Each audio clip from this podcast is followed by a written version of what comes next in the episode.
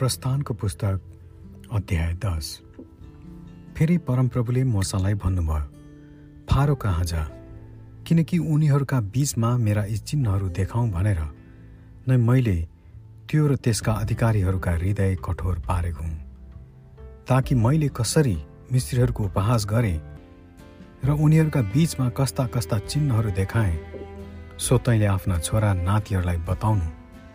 र परमप्रभु मनै हुँ भने तँलाई थाहा होस्। तब मोसा र हारुन फारो कहाँ गएर उनलाई भने परमप्रभु हिब्रोहरूका परमेश्वर भन्नुहुन्छ कहिलेसम्म त मेरो अघि नम्र हुन अस्वीकार गर्छस्?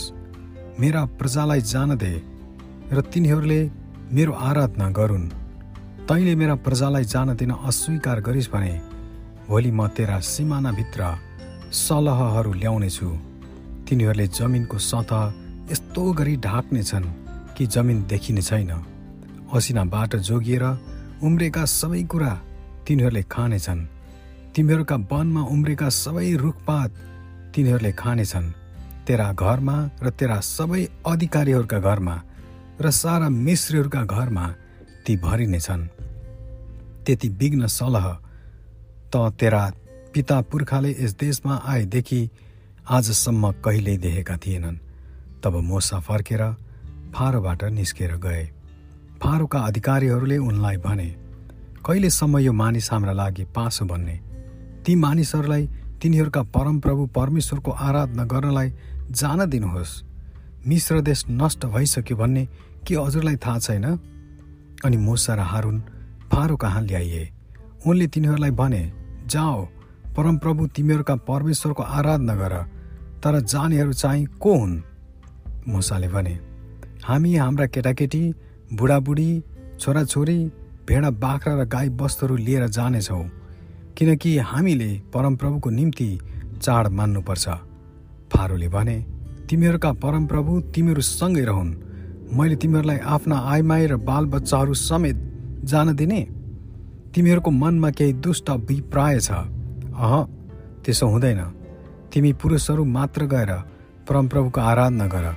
किनकि तिमीहरूले त्यही माग गरेका छौ अनि मोसा र हारुन सामुन्नेबाट लगारिए तब परमप्रभुले मोसालाई भन्नुभयो सलहहरू मिश्रमा आउन् भने आफ्नो हात पसार र ती मिश्रमा आएर असिनाबाट बाँचेका बारीका जम्मै सागपातहरू खाइदेऊन् अनि मोसाले आफ्नो लौरो मिश्रमाथि पसारे र परमप्रभुले त्यस दिनभरि र रातभरि देशमा पूर्वीय बतास चलाउनु भयो जब बिहान भयो तब पूर्वीय बतासले सलहहरू ल्याएको थियो अनि सलहहरू मिश्रमा आए र सारा देशभरि हुलका हुलमा पसे।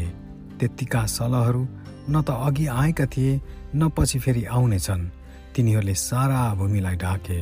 यहाँसम्म कि जमिनै कालो देखियो अनि तिनीहरूले असिनाबाट बाँचेका देशका सब सागपात र रुखका सबै फलहरू खाइहाले। मिश्रभरि हरियो पर्यो केही रहेन। तब फारोले मोसा र हारुनलाई झट्टै बोलाउन पठाए र उनले भने मैले परमप्रभु तिमीहरूका परमेश्वरको विरुद्धमा र तिमीहरूका विरुद्धमा पाप गरे। यसकारण अब म बिन्ती गर्दछु। फेरि मेरो पाप क्षमा गर र परमप्रभु आफ्ना परमेश्वरसँग बिन्ती गर र उहाँले ममाथि आइलाएको यो विपत्ति मबाट हटाइदेऊन् तब मोसा फारो कहाँबाट निस्किएर गए।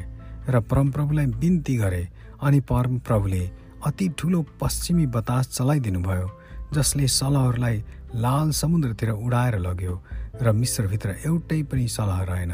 तर परमप्रभुले फारोको हृदय कठोर पारिदिनु भयो र उनले इजरायलीहरूलाई जान दिएनन्। फेरि परमप्रभुले मोसालाई भन्नुभयो तेरो हात आकाशतिर पसार र मिश्रमा अध्यारो भइजाओस् छाम्दा थाहा पाउने जस्तो अन्धकार होस्। अनि मुसाले आफ्नो हात आकाशतिर पसारे र सारा मिश्रमा तिन दिनसम्म निष्पष्ट अन्धकार भयो। तिन दिनसम्म न कसैले कसैलाई देख्न सक्यो न कोही आफ्नो ठाउँबाट उठ्न सक्यो। तर सारा इजरायलीहरू बसेका ठाउँहरूमा भने उज्यालै रह्यो। तब फारोले मोसालाई बोलाउन पठाए र भने जाओ तिमीहरू आफ्ना परमप्रभुको आराधना गर। केवल तिमीहरूका भेडा बाख्रा र गाई बस्तुहरू छोडिराख। तिमीहरूका आइमाई र बालबच्चाहरू पनि तिमीहरूसँगै जाउन्। तर मोसाले भने परम प्रभु हाम्रा परमेश्वरको निम्ति बलि गर्नलाई तपाईँले हाम्रा हातमा बलिका सामग्री र होम बलि लिन दिनुहोस्। हाम्रा गाई वस्तुहरू पनि हामीसँगै जानेछन् र एउटा खुर पनि पछि छोडिनुहुन्न। तिनीहरू मध्येकै कुनै कुनै हामीले परमप्रभु आफ्ना परमेश्वरलाई पुज्नलाई चढाउनु पर्नेछ। जबसम्म हामी त्यहाँ पुग्दैनौँ। तबसम्म हामीलाई थाहा हुँदैन कि के के चढाएर हामीले परमप्रभुलाई पुज्नुपर्छ। तर परमप्रभुले फारोको हृदय कठोर पारिदिनु भयो र तिनीहरूलाई जान दिन उनी राजी थिएनन्। तब फारोले मोसालाई भने मेरो सामुन्यबाट गइहाल होसियार बस। मेरो सामुन्य फेरि देखा नपर किनभने जुन दिन मैले मेरो मुख हेर्लास् त्यो दिन त मर्नेछस्। मुसाले भने तपाईँले भन्नुभयो जस्तै होस्। म फेरि कहिले तपाईँको मुख हेर्ने छैन? आमेन।